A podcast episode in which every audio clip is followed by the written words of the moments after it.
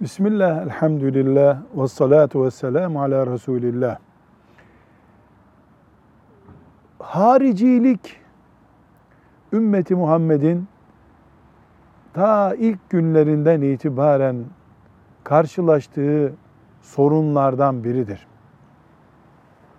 Ümmeti Muhammed kıyamete kadar da o mantıktan kurtulamayacak gibi yani içte bir sorun gibi devam edeceğini gösteriyor.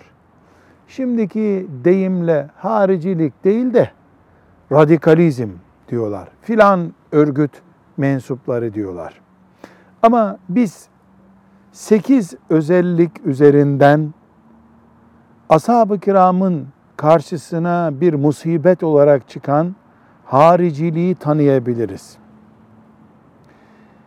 Bir, ilmi ve biyolojik yaşı küçük olduğu halde büyük sözler, büyük işlerin peşinde olma hastalığı.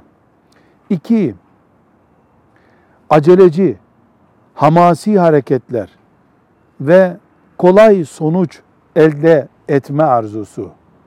İşlerde hep kolaydan bitirme arzusu.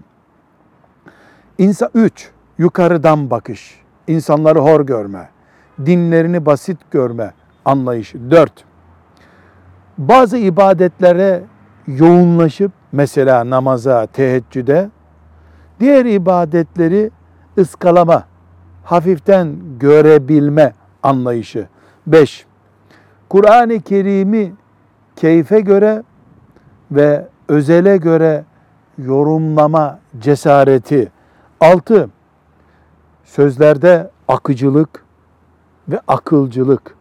Konuştuğunda akıllı konuşuyor, akıcı konuşuyor. Yedi, insan kanını çok ucuz tutma. Sekiz, insanların kafir olmasında bir sakınca görmeme. Say kafirleri diye sanki yeryüzüne gönderilmiş gibi kim kafir, ne kadarı kafir, ne zamandan beri kafir sorularının cevapları hep ceplerinde hazır olanlar. Haricilik yani bu tür bir radikal anlayış bir fitnedir. Ümmetin ilk zamanlardan beri Allahu Teala tarafından içine salınmış bir imtihanıdır. Bu imtihana karşı dikkatli olmak gerekir. Velhamdülillahi Rabbil Alemin.